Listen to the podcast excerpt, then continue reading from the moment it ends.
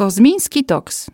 Podcasty Akademii Leona Koźmińskiego dla osób ciekawych świata, biznesu i rozwoju. Nasze podcasty to nie tylko wiedza naukowa, ale także styl życia i przyjemność słuchania. Zapraszamy na spotkania z wybitnymi ekspertami i wyjątkowymi rozmówcami. Dzień dobry, nazywam się Ania Górska i dziś zapraszam Państwa do wysłuchania rozmowy z badaczami i ekspertami historii biznesu. Moim i Państwa gościem są dr Ania Pikos. Dzień dobry. Ania jest kierowniczą, kierowniczką Zakładu Historii Biznesu przy Katedrze Zarządzania LK. Jest również kierowniczką grantu dotyczącego długowiecznych polskich firm. Oraz profesor Tomek Olejniczak. Dzień dobry. Profesor w Zakładzie Historii Biznesu. Odpowiada za rozwój międzynarodowych kontaktów i proces pisania publikacji i artykułów. Dzień dobry, witam Was serdecznie. Dzień dobry. Dzień dobry. Zacznijmy od początku. Badacie historię polskich firm. Co to tak naprawdę znaczy i po co to robić? To może w ogóle zaczniemy od tego, jak się nasza przygoda z historią biznesu zaczęła. W 2015 roku realizowaliśmy projekt wraz z profesor Latusek i pisaliśmy studia przypadku o polskich firmach. I my z Tomkiem dostaliśmy zadanie, e, żeby pisać te studia przypadku o e, najstarszych firmach w Polsce. E, I badania tych firm właśnie doprowadziły nas do odkrycia historii biznesu. Mhm. Jeżeli chodzi o to, po co my to właściwie robimy, to mamy dwa powody. Pierwszy powód jest taki, że historia biznesu uczy, nam o, uczy nas o tym, jak przedsiębiorcy i firmy mogą zmieniać szeroko pojętą historię i rzeczywistość. W odróżnieniu od historii gospodarczej, historia biznesu uczy nas tego, że mamy wpływ na nasze losy, mamy wpływ na historię i mamy wpływ na to, co się z nami dzieje. To jest pierwszy powód. Drugi powód jest taki, że nauka o historii jest doskonałym sposobem na naukę krytycznego myślenia. E, historia jest pełna różnych opowieści, bardziej lub mniej prawdziwych, a my naszym zadaniem jako historyka jest odkrywać, które, kto opowieści te tworzył, w jakim celu, kiedy one powstawały i w jakich okolicznościach i w oparciu o jakie źródła. Dlatego też zadajemy sobie te pytania i dzięki temu razem ze studentami jesteśmy w stanie uczyć się krytycznego myślenia, które jest teraz jedną z kluczowych kompetencji. A czego nas uczy historia polskich firm? Z Tomkiem w naszej pracy koncentrujemy się na trzech obszarach. E, pierwszy z nich to długowieczne firmy, czyli firmy, które mają e, minimum 100 lat. Drugi z obszarów to wykorzystanie historii jako zasobu strategicznego. Oraz trzeci, czyli archiwa biznesu i gromadzenie informacji historycznej o konkretnych firmach. Na przykład w przypadku długowiecznych polskich firm uczymy się, że w naszym kontekście historycznym nic nie trwa wiecznie. I widać to najlepiej w historiach korporacyjnych, czyli w takich um, publikacjach, które firmy publikują z okazji e, jubileuszu. E, I tam e, widzimy, że niemal każda książka jubileuszowa nie podkreśla zysków czy w ogóle finansów jako, jako tego, że jest to sukces firmy, ale podkreśla to, że przed przetrwała. Czyli można powiedzieć, że w naszym kontekście e, historycznym to, że firma przetrwała tyle lat, jest jej sukcesem. I właśnie większość firm pojawia się i upada, często w przeciągu jednego pokolenia, ale są też wyjątki, które widzimy, e, jak na przykład firma rodzinna Sterkowskich, e, producenta kapeluszy, który poprzez umiejętne łączenie tradycyjnego rzemiosła z innowacjami i e-commerce to pozwoliło przetrwać cztery pokolenia i ta firma wciąż się rozwija i wciąż rośnie. Ta firma Sterkowskich, dodam tylko, jest takim doskonałym przykładem organizacji, która jest e, odporna na, na zmiany, zmiany na świecie i zmiany trendów. Ale wracając do tego drugiego obszaru, o którym Ania wspomniała wcześniej, e, badań w zakresie um, strategicznego wykorzystania historii jako zasobu, to ten obszar uczy nas przede wszystkim, że historia jest jednym z najbardziej niewykorzystanych zasobów w polskich firmach. Jest to zasób jednocześnie, który się gromadzi z biegiem czasu praktycznie automatycznie.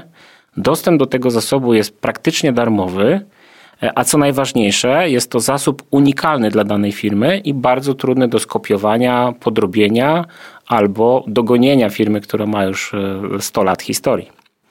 E, niestety, pomimo tego wszystkiego, niewiele polskich firm potrafi skutecznie zarządzać tym zasobem. Nie, niewiele firm zdaje sobie świadomość z jego potencjału strategicznego wykorzystania, na przykład w zakresie budowania marki albo tożsamości firmy czy kultury firmy, e, ale Podobnie jak w przypadku tych długowiecznych firm są też wyjątki. E, jedna z firm, która doskonale wie jak to robić albo e, właśnie nad tym pracuje jest BGK, która w przyszłym roku będzie obchodziła e, stulecie swojego istnienia i już właściwie od, od kilku lat przygotowuje się do obchodów tego jubileuszu, szykując, się, szykując swoją historię na ten jubileusz.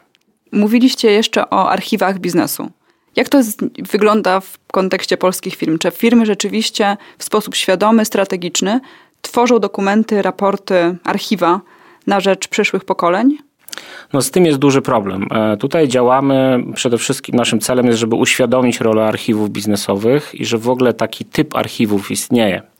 E, tym bardziej, że w Polsce istnieją rozwiązania i standardy spójne z najlepszymi standardami międzynarodowymi, w zakresie archiwistyki. E, tylko, że te standardy nie są specjalnie stosowane w biznesie. E, a co ciekawe, to takie te rozwiązania, które u nas są oferowane za darmo, za granicą są sprzedawane za bardzo grube pieniądze. Mhm. Dlatego też i sprzedawane jako usługa firmu. Dlatego też myślimy, że największym problemem jest świadomość po stronie biznesu, że istnieją takie rozwiązania, że można je wykorzystywać. I Dlatego też staramy się uświadamiać, że archiwa są ważne również nie tylko z perspektywy firmy, ale z perspektywy przyszłych pokoleń, zachowania dziedzictwa e, naszych przedsiębiorstw, e, a dokumenty wymagają bieżącej selekcji, archiwizacji e, i ciągłego gromadzenia tego zasobu, więc musimy tą świadomość jakoś rozwijać. Dlatego też w 2017 roku uruchomiliśmy w Akademii przedmiot Historia biznesu, aby właśnie już młode pokolenia przedsiębiorców poznawały wartość archiwów biznesowych i sposoby ich wykorzystywania. W ramach tych zajęć zabieramy studentów na wizyty w archiwach, w muzeach korporacyjnych i w firmach, które skutecznie wykorzystują swoją historię. Mm, staramy się pokazać, że te dokumenty, które firmy teraz nazwijmy to, produkują, tak, czy którymi operują. E, być może teraz wydaje nam się, że one nie są istotne, ale jeżeli spojrzymy na przyszłe pokolenie, to one mają ogromną wartość. E, często opowiadamy studentom, że nawet to, jak logo się zmienia firmy na przestrzeni czasu, wszystkie projekty graficzne, że to należy zachować właśnie dla przyszłych pokoleń. Jest to część tożsamości firmy i należy o to dbać. I biorąc pod uwagę jeszcze, że są narzędzia w Polsce do archiwizacji, które są darmowe dla firm, no trzeba z tego e, korzystać. I właśnie to chcielibyśmy studentom przekazać na tych zajęciach. Czyli kształcicie nowe pokolenie studentów, którzy będą zbierać, tworzyć archiwa, raporty na rzecz przyszłych pokoleń badaczy. Dokładnie tak. E, myślę, że fajnie jest też to, że studenci uczą się nie od nas, tylko od praktyków biznesu. Więc na przykład w tym roku zaprosiliśmy na zajęcia przedstawicieli e, Centrum Archiwistyki Społecznej, żeby pokazali potencjał archiwów. Zaprosiliśmy przedstawicieli z BGK, żeby pokazali w jaki sposób tą historię się wykorzystuje. Mieliśmy na zajęciach, byliśmy w, w Muzeum Polin na zajęciach, mhm. gdzie e, uczyliśmy się o historii Heleny Rubinstein, mhm. co było bardzo zaskakujące dla studentów, że kobieta w tamtych czasach mogła już prowadzić e, swój biznes, e, pomimo tych wszystkich e, obostrzeń, e, problemów, które, e, które w tych czasach istniały. I oczekiwań społecznych wobec kobiet. Tak, więc staramy się, żeby te zajęcia były bardzo różnorodne w, i, i, były też zaskakujące dla studentów. I co roku odwiedzamy też piekarnię Grzybki, o której za chwilę też jeszcze pewnie opowiemy. Tak, dokładnie. Mówicie, żeby były te wizyty zaskakujące. A co dla Was jest zaskakującego w Waszych badaniach? Czy było to coś, czego się nie spodziewaliście? Macie tego typu wnioski z badań?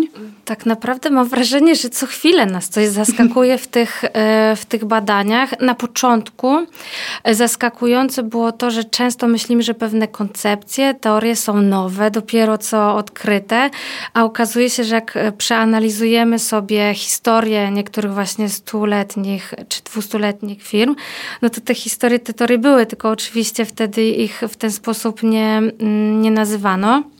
E, na przykład e, u mnie dwóch studentów na seminarium przeanalizowało dom towarowy braci Jabłkowskich. Mhm. Jedna studentka odkryła, że w dwudziestoleciu międzywojennym istniało coś jak fast fashion, że Jabłkowscy wykorzystywali system kartkowy do monitorowania e, monitorowania cen w czasie, tak żeby sprzedawać jak najszybciej produkty, które pierwsze weszły im do magazynu. Więc stworzyli taki system bazodanowy zarządzania produktami, które mają na sklepie. A drugi student, analizując ich działania prospołeczne, odkrył, że Dom Towarowy Braci Jabłkowskich i w ogóle rodzina Jabłkowskich prowadziła działania w zakresie społecznej odpowiedzialności biznesu na przestrzeni 300 lat. E, Innym przykładem może być na przykład e, balon Gwiazda Polski, który w dwudziestoleciu międzywojennym jest takim jakby początkowym przykładem crowdsourcingu i zbierania pieniędzy od społeczeństwa na, na, na cele społeczne i na cele biznesowe de facto. Tak? No tak, czyli rzeczy, które uważamy za nowoczesne, istnieją od 100 lat. Dokładnie tak. E, już o marketingu dóbr luksusowych i o powiedzmy influencerach czy liderach y, opinii możemy mówić w przypadku Gerlacha czy Ćmielowa? E, dokładnie tak. E, tutaj e, z tego co pamiętam, Ćmielów był w stanie przekonać cara, żeby nadał im koronę, która się znajduje do tej pory w logo, w logo Ćmielowa, potwierdzając najwyższą jakość ich produktów. Kolejnym przykładem samochód elektryczny, który miał jeździć po Warszawie w dwudziestoleciu międzywojennym i rozwozić, czy dostawiać, dostarczać różne materiały w zakładach Szpotańskiego na Pradze. Ale mm, tak myślę, że to, co chyba nas najbardziej zaskoczyło, to jest e, e, dwustuletnie e, gospodarstwo rolne rodziny Majlertów w Warszawie, niedaleko okolicy Marywilskiej. To było dla nas coś niesamowitego. Gospodarstwo rolne w Warszawie, w dużym mieście i wciąż istnieje, wciąż należy do rodziny, mimo pewnych... Problemów y, i, i zmian strukturalnych w mieście wciąż jest, więc y, to było niezwykłe. I co najważniejsze, nadal uprawia ten sam produkt, czyli nadal oferuje od 200 tak. lat szparagi, które można kupić, kupić w supermarketach w Warszawie. Tak, więc to było dla nas najbardziej zaskakujące. Zaskakujące było również dla nas to, y, że firmy bardzo chętnie opowiadają o swojej historii, dzielą się z nami archiwaliami, materiałami, chętnie rozmawiają o tym, więc to było dla nas, myślę, jako e, badaczy w mm, dyscyplinie zarządzania bardzo też pomocne, e, bo wiemy, że, e, że trudno czasem poświęcić czas komuś, tak, na, na wywiad na przykład, na rozmowę taką godzinną, a niektóre z tych firm zapraszały nas na herbatę, na śniadanie, przynosiła albumy z materiałami, ze zdjęciami. No, czuliśmy się jak członkowie rodzin niemalże e, i później e, często korespondowaliśmy, czy jeszcze na przykład coś jest nam potrzebne. Czasem odwiedzamy filmy trzy, cztery razy. To jest taka, może nie, że więź, ale tak no, jakby coś, co nas łączy, tak? Ja myślę, że mm, to jest też taka nasza pasja mhm. E, z Tomkiem i być może jakby nasi odbiorcy widzą to i też dlatego chętnie się z nami e, dzielą tymi, tymi informacjami, tymi historiami, które są naprawdę niezwykłe. Każda z nich jest unikalna i, i nie znajdziemy drugiej takiej. Myślę, że to też było widoczne, jak zaczęliśmy studentów uczyć na tych studiach przypadku, o których mówiłam na samym początku studenci mówili, że a, zawsze uczyli się na, na, na firmach międzynarodowych, mhm. a tutaj w Polsce mamy naprawdę tak ciekawe przykłady e, i oni również byli zaskoczeni, że często nie znali firm, a, a ta historia jest naprawdę niezwykła i dużo można się od tych firm nauczyć. Domyślam się, że te firmy, do których chodzicie, też są zachwycone, bo w końcu mogą komuś opowiedzieć o tym, co robią, a ktoś ich słucha z zainteresowaniem i jeszcze ich bada. Ja pamiętam, jak jechałam na, na jeden z wywiadów i zadzwoniłam, czy w ogóle mogę przyjechać. E, I pan powiedział, a, ale jak, o, o historii? I ja mówię, tak, to jest niezwykłe. Państwa firma ma ponad 100 lat. Super, ja bym z chęcią porozmawiała z, z państwem o tej historii. E, ja pojechałam na ten wywiad e, i wchodzę do, do biura prezesa. Pan, pani naprawdę przyjechała. Ja mówię, tak, tak, ja, ja jestem, więc no to jest naprawdę coś, coś, co nas zaskakuje i to jest taka wdzięczna praca, myślę, dla nas. A co firmy z tego mają? W jaki sposób firmy mogą wykorzystywać swoją historię? E, no poza tym, że wykorzystujemy, my wykorzystujemy ich historię podczas naszych zajęć, to widzimy też e, na rynku coraz więcej przykładów wykorzystania historii przez same firmy. No i tu dwa takie mm, kluczowe obszary to jest marketing dziedzictwa albo marki dziedzictwa, e, a drugi, który widać na co dzień coraz częściej to jest rewitalizacja zabytków przemysłowych i przestrzeni przemysłowych. Jeśli chodzi właśnie o ten przykład marketingu dziedzictwa, to wydaje nam się, że dobrym przykładem jest właśnie piekarnia Grzybki, e, która stworzyła taką specjalną przestrzeń. Do przeprowadzania warsztatów cukierniczych, piekarniczych dla dzieci. Jest to Akademia Piekarza. My chodzimy e, tam ze studentami co, co semestr de facto. Mm, I to, co jest niezwykłe, to jest to, że e, dzieci, oprócz tego oczywiście, że uczą się tej, tej sztuki piekarniczej, piekarnictwa, e, to e, wysłuchują historii samej piekarni, historii rodziny. W, w, tej akademii jest przestrzeń, gdzie są stare zdjęcia, zdjęcia założyciela, jest jego dyplom e, mistrzowski.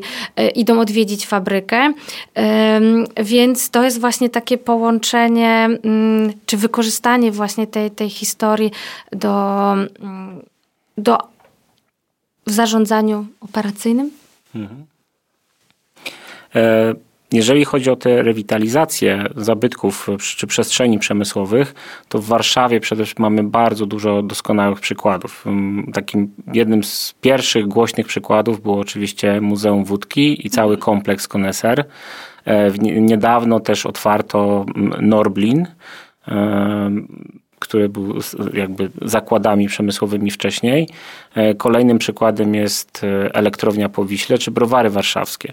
E, wszystkie te przykłady, szczególnie Norblin tutaj jest niesamowitym przykładem, jak można połączyć nowoczesne komercyjne wykorzystanie przestrzeni poprzemysłowych jednocześnie z odpowiedzialną ochroną dziedzictwa przemysłowego Warszawy, czyli zachowaniem tych zabytków, zachowaniem archiwów, e, otworzeniem muzeum i wycieczkami po tej przestrzeni, żeby ta pamięć o tym, co tutaj było i w jaki sposób ta firma funkcjonowała wcześniej, nie zaginęła albo nie została wyburzona. Tak? Mhm. Dziś rozmawiamy z okazji 30-lecia LK. Znaczy, historia wciąż będzie ważna za 30 lat, mam nadzieję, ale zastanawiam się, jak ten temat będzie wyglądał za jakiś czas. Jak to widzicie? Mm, historia biznesu nawet za 30 lat będzie dalej uczyć nas krytycznego myślenia i oferować rozwiązania oparte o fakty historyczne. Y, I co ważne, te rozwiązania będą uwzględniać na pewno y, kontekst historyczny ich zastosowania. Wydaje nam się też, że będzie tej historii coraz więcej i te firmy, które będą odpowiedzialnie gromadzić tą historię jako zasób, e, będą mogły ją wykorzystywać jako źródło siły do stawiania czoła kolejnym wyzwaniom, do budowania silniejszej tożsamości, poszukiwania we własnej historii rozwiązań tych problemów, e, którymi, e, którym, które na ich drodze stają. E, I według e, Takeo Kikały, prezydenta Japońskiego Stowarzyszenia Historii Biznesu, historia biznesu ma szansę stać się dziedziną nie tylko mm, nauki o przeszłości, ale przede wszystkim nauką stosowaną. I to znaczy, że dzięki lekcjom z przeszłości historia biznesu pozwoli nam e, docierać do sedna i rozwiązywać współczesne i przyszłe problemy. I tego nam wszystkim życzę, żebyśmy się uczyli z historii. Dziękuję Wam bardzo za rozmowę. Dziękujemy. Dziękujemy.